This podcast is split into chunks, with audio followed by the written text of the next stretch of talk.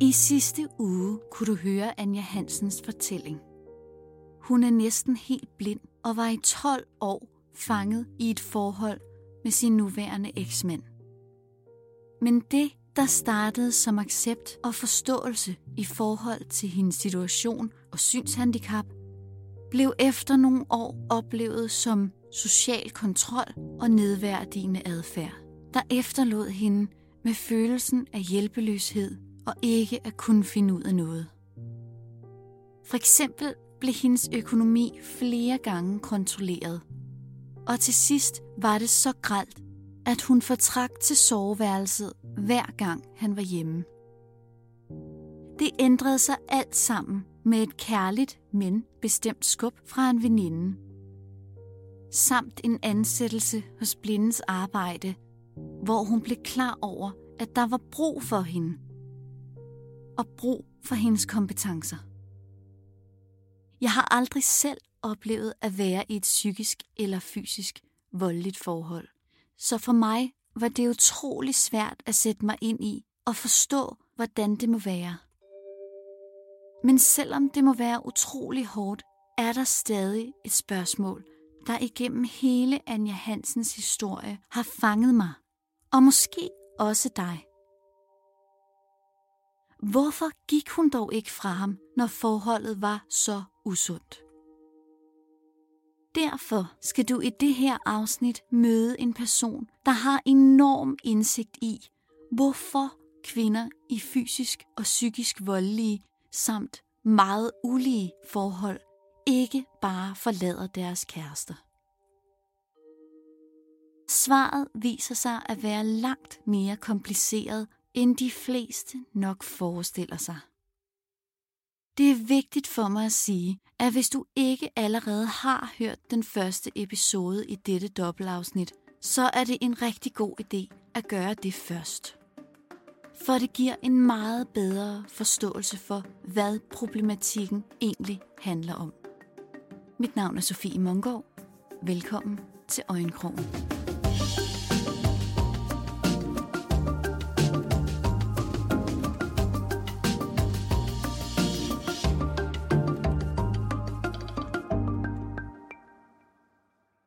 Jeg hedder Mette Marie Yde, og i øjeblikket er jeg konstitueret direktør i Danner, men jeg er også leder af vores øh, videnscenter, hvor vi både laver analyser, men også har øh, forskellige projekter, både nationale og internationale øh, forankret.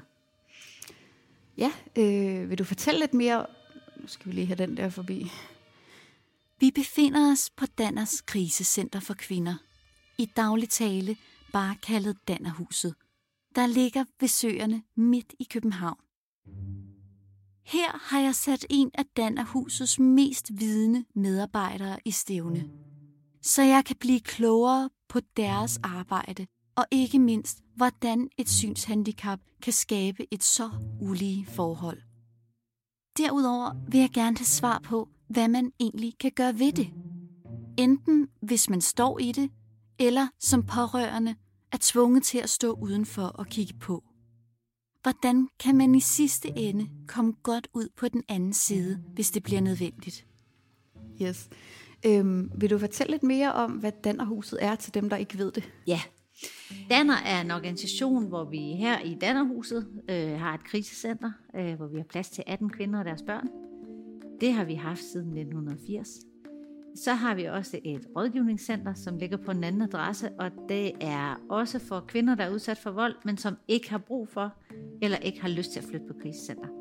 Men vi har taget al den erfaring, vi har fra krisecenteret i forhold til, hvordan man bearbejder volden og sikrer, at der er sikkerhed omkring kvinden, og så har vi nogle ambulante forløb øh, i stedet for.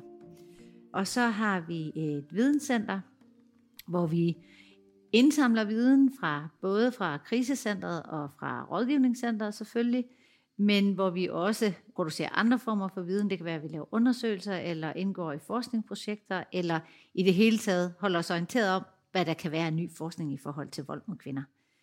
Al den viden, den samler vi sammen og analyserer, og det bruger vi så til enten at lave nye indsatser øh, i forhold til kvinder, der er udsat for vold, eller til vores politiske arbejde, hvor vi prøver at sikre nogle bedre vilkår i forhold til det at være voldsudsat, øh, men særligt også, hvordan kan vi forebygge vold, og noget af det, vi har haft meget fokus på de sidste to år også, øh, og hvordan kan vi forebygge drab på kvinder. Så i Dannerhuset arbejder de altså med voldsramte kvinder og kontrol i forhold hver eneste dag. Men hvorfor opstår behovet overhovedet for, at den ene part i et forhold vil kontrollere den anden?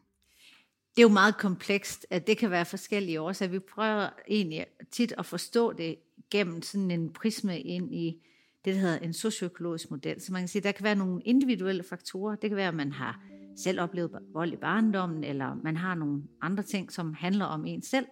Der kan man være sårbar både i forhold til at blive voldsudøver eller voldsudsat. Så er der noget omkring dynamikken i parforholdet, altså selve relationen. Øh, hvis der er en magtubalance i den, så er der nogle sårbarheder i forhold til, om der kan være vold. Øh, så er der det tredje niveau. Det kan være sådan mere lokal miljø, det kan være institutioner, myndigheder. Det kunne være politiet øh, i forhold til, hvordan behandler de sager, hvor de bliver kaldt ud til vold i hjemmet. hvordan møder de voldsudsatte, hvis de prøver at anmelde. Men det kan også være der, hvor vi har nogle, man kan sige, nogle lidt større fællesskaber, hvor man har nogle normer omkring, hvordan man skal leve sammen som et par. Så det kan være, at man har nogle, øh, hvad man sige, nogle meget konservative værdier omkring det, øh, og det er jo selvfølgelig med til at hvad man sige, påvirke, hvordan man er par sammen, men også på individniveau. Og så er der jo endelig hvad man sige, det overordnede strukturelle niveau, som handler mere sådan overordnet set, hvad er det for nogle normative forestilling, vi har omkring køn, eller, eller mellem mand og kvinde, hvis man er et par, men det er også lovgivningen for eksempel. Hvad er det for en lovgivning, der er omkring det her område? Det er sådan en måde at forstå, hvorfor opstår volden overhovedet. Så både fysisk og psykisk vold kan altså skyldes en lang række faktorer, der handler om individuelle karaktertræk og oplevelser hos den enkelte i forholdet, i miljøet eller et problem i for eksempel lovgivningen. Det er vigtigt at sige, at Anja Hansen aldrig oplevede fysisk vold, selvom Mette Marie Yde refererer til netop det her. Men Anjas oplevelser bundede i høj grad i hendes synshandicap. Altså det Mette Marie Yde kalder en magtubalance eller ulighed i forholdet. Altså hvor partneren med et synshandicap kan have svære ved at udføre opgaver, lave aktiviteter eller måske har indskrænket sin mobilitet i forhold til den anden partner. Det skyldes den begrænsning, som synshandicappet helt naturligt sætter. Men det er en misforståelse at tro, at den ene partner blot lader sig kontrollere. Det sker præcis som for Anja Hansen, typisk langsomt og gradvist. Hvorfor øh, lader man sig øh, kontrollere på den måde, øh, når man er, man er i sådan et parforhold, der ikke er lige? Øh, men det gør man måske heller ikke, kan man sige. Der er jo ingen, der tænker, Nå, nu vil jeg ind i et parforhold, hvor jeg kan blive kontrolleret på alt, hvor en, en anden kan bestemme, hvornår jeg må gå på toilettet, og hvor, hvilket tøj jeg må tage på, og hvornår jeg må amme mit barn, og om jeg hovedet må, og øh, hvornår jeg må se mine venner. Det er sådan noget, der sker lige så stille over tid, hvor der bliver flere og flere regler. De fleste af de her parforhold, de starter jo ikke med, at man møder en, en kæreste, som er super kontrollerende eller voldelig. Altså de fleste af de her parforhold, det starter jo som en rigtig dejlig kærlighedshistorie, hvor man bliver forelsket i hinanden. Og så er, kommer den, særligt den psykiske vold, er noget af det første, der sker. Øh, og nogle gange, så kan det jo i starten føles som en romantisk gestus, mere end en kontrollerende adfærd. Der var ikke det, han ikke ville øh, gøre for en. Altså, han så ikke som mit handicap som nogen problem, og var hjælpsom. Og det kan føles som en positiv ting, men i virkeligheden så kan det være noget der, hvor kontrollen lige så stille starter. Og så vokser det altså øh, sådan langsomt, så man, hvad man sige, vender sig til, at det er sådan, det er. Det med hjælpsomhed, det tog jo en overhånd. Han overtog alting. Altså, jeg fik ikke lov. Det, der jo også sker ved øh, kvinden her, når hun bliver udsat for vold, det er, det går ind og har sådan en rigtig negativ påvirkning af hendes selvværd og hendes selvtillid. Øh, og det får hun nok også at vide, øh, at hun ikke er noget værd, at der er ingen andre, der vil kunne lide hende, at hun ikke kan klare sig selv, øh, at øh, hun slet ikke øh, kunne fungere uden ham, og hun skal være heldig, at han overhovedet gider at være kæreste med hende, eller gift med hende. Så Anja oplevede altså flere af de træk, der netop karakteriserer et forhold med en magtubalance. Men typisk skaber den kontrollerende part også, bevidst eller ubevidst, et stærkt fællesskab med partneren meget hurtigt. Men det er faktisk også det, det der med den der stormende forelskelse, og tit så er det også, det går rigtig hurtigt. Øh, og mange fortæller også det der, han er jo fantastisk, og netop det der med, han vil jo bare det der øh, barn, hun havde med ind i forholdet, alt det bedste, så hun, altså det der med at få hurtigt skabt det der fællesskab med dem, og gjorde hende tryg i, at han er en rigtig god mand. Og mange af de her tænker jo i starten, hvordan kan jeg være så heldig? Nu har jeg endelig mødt den rigtige her. Øh, så det der med, at det går meget hurtigt med at møde hinanden, til at blive kærester, til at flytte sammen, og nogle gange også få et fælles barn, det er også en fælles nævner for nogle af de her. Og der tror jeg også, om det så er en bevidst taktik eller ej fra hans side, det er også en måde at sådan ligesom få skabt det der rum, hvor han kan have den der kontrol. Samtidig kan jagten på status, accept, rigdom eller noget helt andet gøre, at man i højere grad overhører nogle af de faresignaler, som man normalt ville lægge mærke til og bør være opmærksom på. Det betyder også, at et synshandicap kan skabe en særlig sårbarhed på grund af fysisk eller social afhængighed i større eller mindre grad. Altså jeg ved, øh, fordi sådan er det stort set for alle med synshandicap, at der er på en eller anden måde noget ekstra status i at have en kæreste, som er fuldseende, fordi så har man virkelig gjort det godt. Mm. Øhm, jeg ved godt, at du ikke er sådan specialist på det her felt, men kunne man forestille sig, at der var noget i forhold til, at, at man måske mere opsøger, altså at man er nemmere at bytte for de her mænd, som kommer til det her, uagtet eller ej. Øhm, fordi man netop, altså okay, han er fuldstændig, han har bil, det er fedt, øh, det skal nok blive godt, og så vil han have mig af alle mennesker, ikke? Han kunne få en, der kunne se fuld, hvorfor, altså, tænk, at han vil have mig. Mm. Jeg tænker, det er jo der, hvor man, altså der er i hvert fald, jeg kan forestille mig ekstra sårbarhed i det der med, at man egentlig søger ind i noget, hvor der er et ulige magtforhold i start, altså fra start. Øh, og så har man jo selvfølgelig større risiko for, at, nogen vil, den, at man tilfældigt støder ind i nogen, der så vil udnytte den øh, magtforskel, der er indlejret helt fra start. Og det er klart, hvis man så også, nu spekulerer jeg bare, for jeg kender ikke øh, øh, så meget sådan lige til kvinder med synshandicap, men hvis du fortæller mig, at det er noget af det, man vil være øh, interesseret i, eller som man synes vil give en noget social status, eller hvad det måtte være, så er det måske noget af de der andre faresignaler, man ikke lytter så godt efter. Fordi man har fokus på, at det lykkes en at blive kæreste med en, som har det her tilfælde fuld syn, som man aldrig havde troet, man kunne få. Det kunne man jo overføre til andre områder. Altså, hvis man møder en rig, succesfuld mand, øh, det kan være noget af det samme, det der med, at man synes, wow, jeg er så heldig, han bor kæmpe lejlighed på Frederiksberg, og ja, han tager mig ud til middag, og vi er ude at rejse, og alt det der, ikke? hvor man tænker, wow, min lykke er gjort, jeg har aldrig tænkt, at jeg kunne møde en mand, der havde alle de her ting, og nu kan jeg blive en del af det. Øh, så jeg tænker, det kunne godt være noget af det samme, der så sker her. Hvordan påvirker det dynamikken i et forhold, hvis den ene part for eksempel har et, øh, et handicap, et synshandicap, hvor det kan give den anden part mere, hvad skal man sige, magt i forholdet? Fordi der er jo en ulighed der med, at han kan se nogle ting, som, som hun ikke kan se. Det tænker jeg er en særlig øh, sårbarhed, der kan være. Så er vi jo over på det der individuelle niveau, og hvilke taktikker kan man bruge? Altså, hvad, hvad er der i den der øh, ulige magtrelation, som man kan bruge til sin fordel? Så jeg tænker, at der kan være en særlig sårbarhed i at have et øh, synshandicap, eller i det hele taget andre former for øh, funktionsnedsættelser, hvis man sidder i rulle, rullestol for eksempel, eller kørestol, så kan man faktisk også altså være sådan fysisk afhængig af den anden. Så ser vi nogle gange, at de bliver nægtet mad, eller de får ikke lov, altså de bliver ikke kommer ikke på toilettet, øh, og sådan skal tikke og bede om ting. Så hvis det er en person, som gerne vil have kontrol, så tænker jeg, så har de jo her et, et, et, hvad kan man sige, en partner, hvor de på nogen måder lettere kan få den kontrol. Fordi der er nogle ting, de kan have kontrol over, som den anden ikke kan, hvor de er afhængige af den anden person i forhold til at, at sikre en, en ligeværdig uh, relation mellem de to.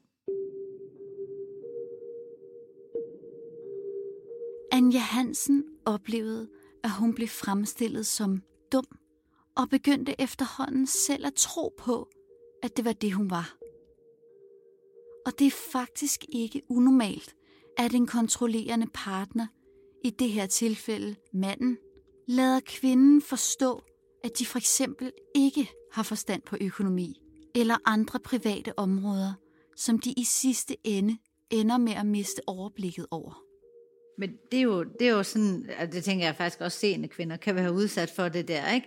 Altså det er jo det der med, det, der er jo også noget ydmygende i det, og den psykiske vold er jo karakteriseret ved, at, at den er sådan, det er et mønster af krænkende og ydmygende og nedværdigende handlinger i forhold til den anden.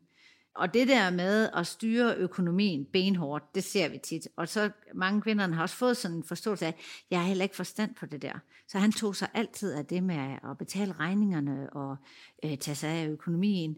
Øh, så det der med ikke at have indblik i, hvad er en vores økonomi, så når han siger, hvorfor du købte det tøj, det vi ikke råd til, så ved man ikke, om det passer eller det ikke passer, fordi man ved faktisk ikke, hvad balancen er på kontoen. Så det er jo sådan en anden ting, som er, er, er, bliver brugt som sådan en kontroltaktik. Det er det der med, at man ikke har indblik i for eksempel økonomien, så han kan bestemme, hvad, øh, hvad familien i hans optik har råd til eller ej, men i virkeligheden handler om at have, altså kontrollere, hvad hun gør eller ikke gør eller bruger penge på.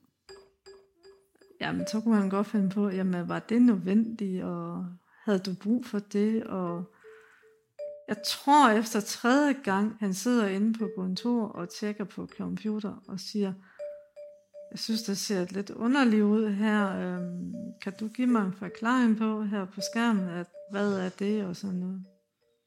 Nå, men så forklarede jeg ham, hvad jeg har købt, og så sagde jeg så til ham, Simon, tænk, sidder du og kontrollerer mig? Jeg kan ikke sidde og kontrollere dig, fordi jeg ikke kan se på sådan en skærm.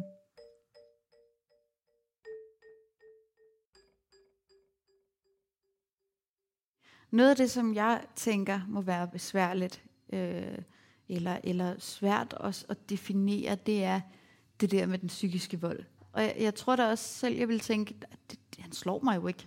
Han tæsker mig ikke, så, så det er vel okay. Altså, jeg, jeg kan vel bare sige fra. Altså. altså, det er jo derfor, det er rigtig godt, at psykisk vold blev kriminaliseret for, det er snart tre år siden. Fordi så bliver det jo for det første, er det blevet anerkendt i samfundet, at det er vold på lige fod med fysisk vold. Men det har også gjort, at der er flere, der har anmeldt det, som måske ikke ville have anmeldt vold før, eller søgt hjælp på et krisecenter, fordi de tænker, at vold det er sådan noget med, at jeg bliver udsat for nogle, nogle fysiske ting. Øh, at vi nu i hvert fald prøver, at alle ved, at vold kan også være psykisk. Og det i virkeligheden er det langt de fleste, altså alle, øh, bliver udsat for psykisk vold, og så kan der være nogle af de andre voldsformer, man også bliver udsat for. Men at det faktisk også er det, der på den lange bane er mest skadelige i forhold til for eksempel PTSD og kompleks PTSD og sådan noget. Jeg tænker også, hvis jeg skulle prøve at, at sådan sætte mig i synshandicappede kvinder i ulige forhold sted, så tror jeg noget af det, der ville skræmme mig mest, det var, altså normalt, så kan du nok lure noget i øjnene eller i ansigtsudtrykket, og det kan du sagtens, når du ikke kan se, så kan du godt altså aflæse kropssprog, at han sur, øh, går han meget rundt, øh, men der er alligevel et link, der mangler. Altså det må være enormt skræmmende, tænker jeg, at, at man ved ikke, man har måske lige et ekstra sekund til at nå at dukke sig, eller til at nå at, at sige noget rigtigt, eller et eller andet, hvis man kan se, okay, der er noget i de øjne der, det er ikke godt, i, i forhold til, hvis man skal aflæse det, og ikke kan se noget. Det tænker jeg også. Altså, det sidder jeg også tænkt på. Det er jo sådan ligesom at sidde i et mørkt rum, ja. og han render rundt i lys hele tiden. Øh, så han ved præcis, hvad der foregår, og du ved det ikke.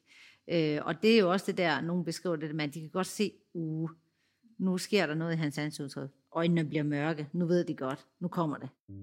Og den forvarsel når man ikke at få øh, på samme måde, som du siger, så kan man jo fornemme stemninger i forhold til, hvordan folk bevæger sig, deres stemmeleje øh, og sådan noget.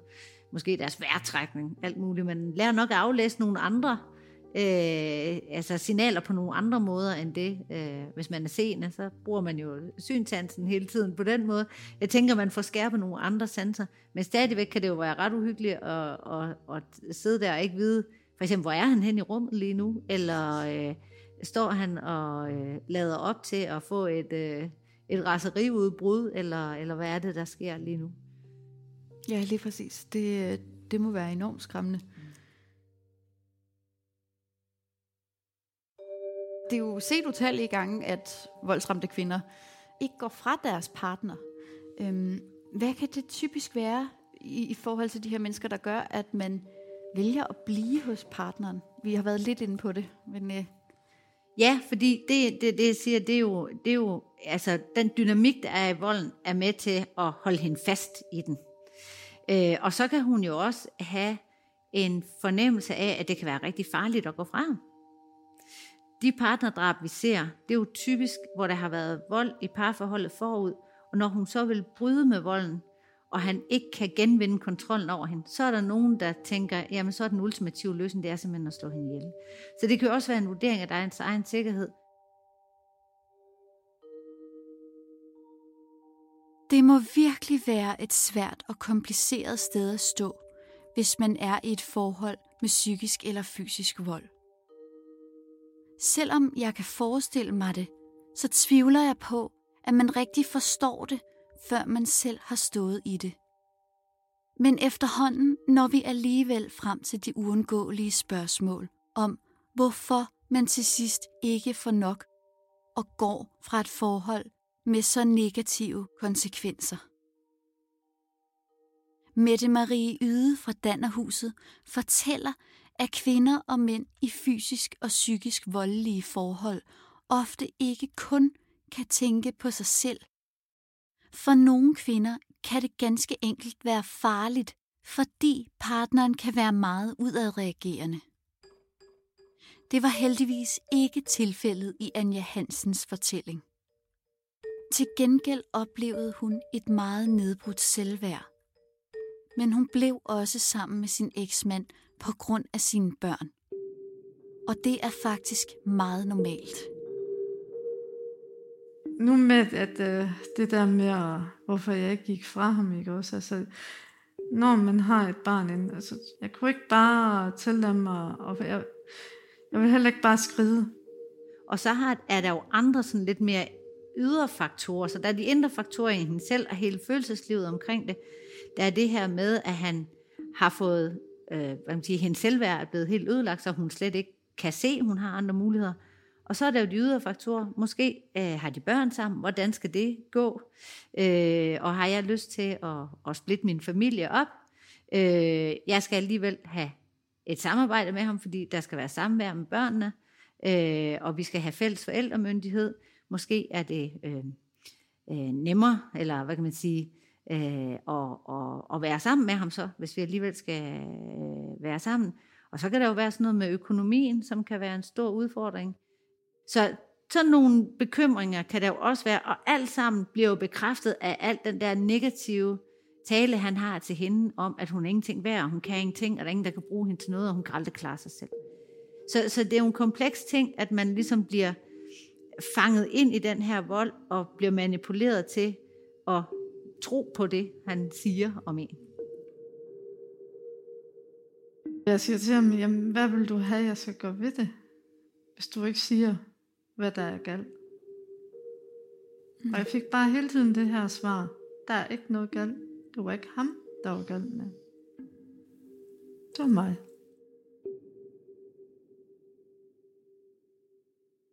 Man kan overveje, hvorfor en kontrollerende partner overhovedet vil være sammen med en person, der for eksempel er dum, doven, uintelligent eller noget helt fjerde. Og svaret er som regel ret simpelt. For den, der oplever at blive kontrolleret, er som regel hverken dum, doven eller uintelligent. Det er ganske enkelt en kontrol- og manipulationsstrategi – der skal overbevise partneren med mindst magt i forholdet om, at der ikke er andre steder at gå hen, og ingen andre, der vil være sammen med vedkommende. Men som vi hørte i Anja Hansens fortælling, er det som regel ikke rigtigt. Men det er jo også en måde at fastholde kontrol, fordi det bliver en trussel for hans kontrol, hvis hun begynder at få en uddannelse, bliver mere selvstændig, får sin egen økonomi. Så det handler overhovedet ikke om, at hun er dum og ikke kan have en uddannelse. I virkeligheden har han jo på ingen måde giftet sig med en dum kvinde. Det er bare en del af hans kontrolstrategi eller taktik. Det er at få hende til at tro, hun er det. Fordi hvad er der så af alternative muligheder for hende? Det er jo det, hun gerne skulle tænke. Der er ikke andre, der vil have mig. Jeg kan ikke klare mig selv. Så må jeg finde mig i det her. Så det er jo sådan en del af, af den der øh, taktik, der kan være for at fastholde kontrollen. Første omgang tænker jeg, at det kan være mig. Han er jo bare for lov, fordi at, så har jeg fred. Altså. Når jeg sad bagefter alene og tænkte, da jeg var alene med min datter, der kunne jeg godt lave mad. Og maden, det var færdig til tiden. Der er sådan en manipulation i det der med, at den voldsudsatte i virkeligheden ender med at synes, det er deres egen skyld, de er udsat for vold. For det ligger i manipulationen fra voldsudøveren. Og det var jo også sådan, til sidst så kravlede jeg jo ind i soveværelset, og så boede jeg derinde. Jeg kravlede derind, når han var hjemme. Så var jeg fri for at høre på ham, fordi så var der ikke den der sure men. Og den der isolation tiltager. Så der var en, en kvinde, der sagde det rigtig fint øh, herinde en gang. Hun sagde, øh, da jeg kunne forlade ham, der ville jeg ikke. Fordi hun var stadigvæk der, hvor hun tænkte, det var måske nogle isolerede tilfælde, det ville blive godt igen. Og så, og, da hun så, og så siger hun så videre, da jeg ville forlade ham, der kunne jeg ikke.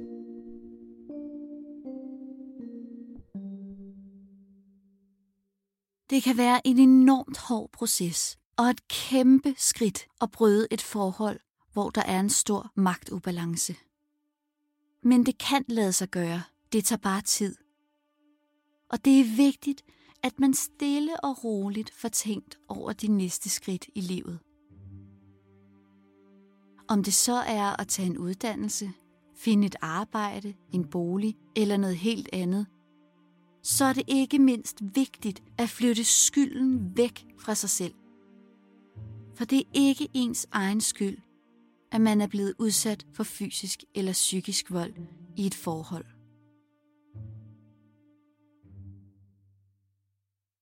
Vi ser jo heldigvis også, at der er kvinder, der kommer ud på den anden side øh, og finder ud af, at man er noget værd at få taget en uddannelse og finder ud af, at man kan noget. Øh, og det skete jo for eksempel for, øh, for hende, vi interviewede. Ja.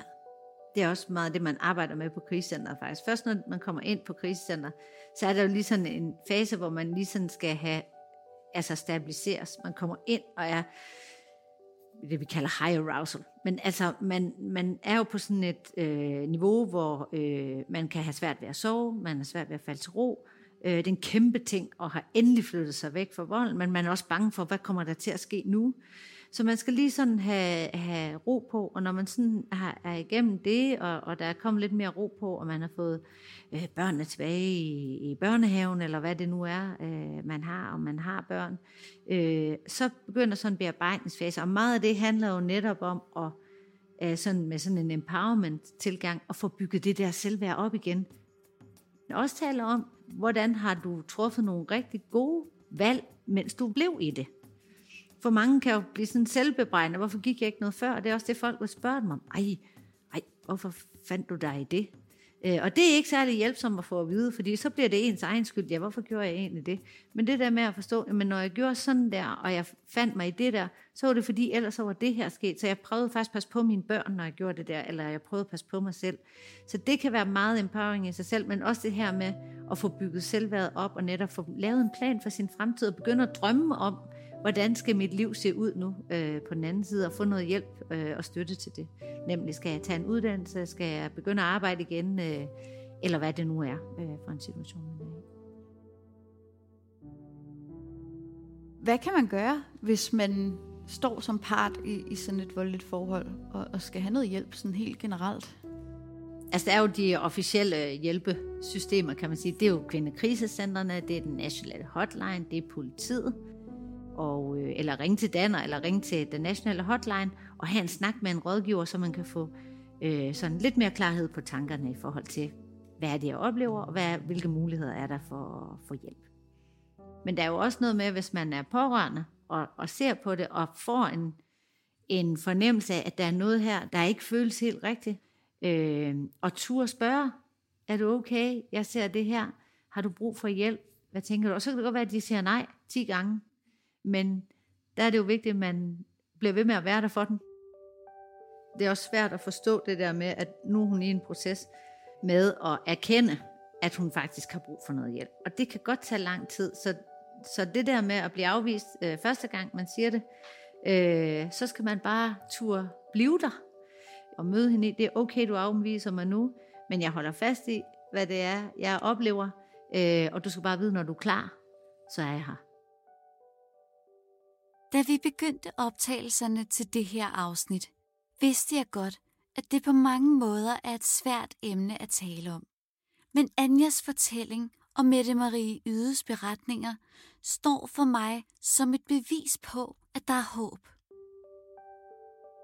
Der er håb for de kvinder og mænd, der er en del af et forhold med en ulige magtbalance, eller med psykisk eller fysisk vold i hverdagen. Det er ikke bare muligt at komme ud af et usundt forhold. Det kan også lade sig gøre at komme stærkt igen i livet. Det er Anjas historie et bevis på. Og selvom det kan være svært at tale om, så fortæller Mette Marie Yde lige præcis, hvorfor det er så vigtigt, at vi tør gøre det alligevel. Det er svært at sætte sig ind i, når man ikke har oplevet det selv. Øh, så, så det kan jo godt virke uforstående. Så derfor det der med øh, at tale så meget som muligt, vi kan tale om det. For eksempel lave sådan en podcast, så folk har en fornemmelse af, hvad er det egentlig for en dynamik, der er i det der, og hvorfor kan hun finde på at sige nej tak til hjælp, når hun tydeligvis har brug for det. Når man har et synshandicap, lærer man ofte, at det kan være en god idé at spørge om hjælp. Og det gælder selvfølgelig også, hvis man sidder fast i et dårligt parforhold. Det har virkelig indprintet sig hos mig, hvor afgørende det er, at vi også som pårørende tør stille de svære spørgsmål og bliver ved med at tilbyde vores hjælp, gang på gang. Det vil jeg i hvert fald tage med mig, og jeg håber, at I vil gøre det samme. Jeg har faktisk ikke flere spørgsmål. Er der noget, du gerne vil tilføje her til sidst, som du synes er vigtigt, øh, at vi får med? Jeg synes bare, det er vigtigt at sige, hvis der sidder nogle kvinder derude, som hører det her, og som oplever noget af det her, at det er aldrig din skyld, at du bliver udsat for vold. Det er voldsøveren, der vælger at være voldelig over for dig. Og der er altid hjælp at hente, og øh, det kan være rigtig svært, men det er rigtig vigtigt, at du rækker en hånd ud. Eller hvis nogen rækker en hånd ud for dig, at du overvejer, om det ikke var nu, du skulle tage imod den hjælpende hånd. Vigtigt at sige, at vi selvfølgelig meget gerne har ville spørge Anjas eksmand, hvordan han oplevede forløbet, og om han har nogle kommentarer til Anjas oplevelser. Vi har gentagende gange forsøgt at få fat i ham, men han er desværre ikke vendt tilbage på vores henvendelser. Øjenkrogen er produceret af Dansk Blindesamfund. For Mix og Klip stod Lydpol. Jeg hedder Sofie Mungård, og det er mig, der har tilrettelagt denne sæson af Øjenkrogen. Husk, at du kan følge Øjenkrogen på vores Facebook-side. Den finder du ved at gå ind i Facebook og søge på Øjenkrogen, så burde den komme frem. Du kan lytte til Øjenkrogen i din foretrukne podcast-app eller på blind.dk-podcast. Vi lyttes ved.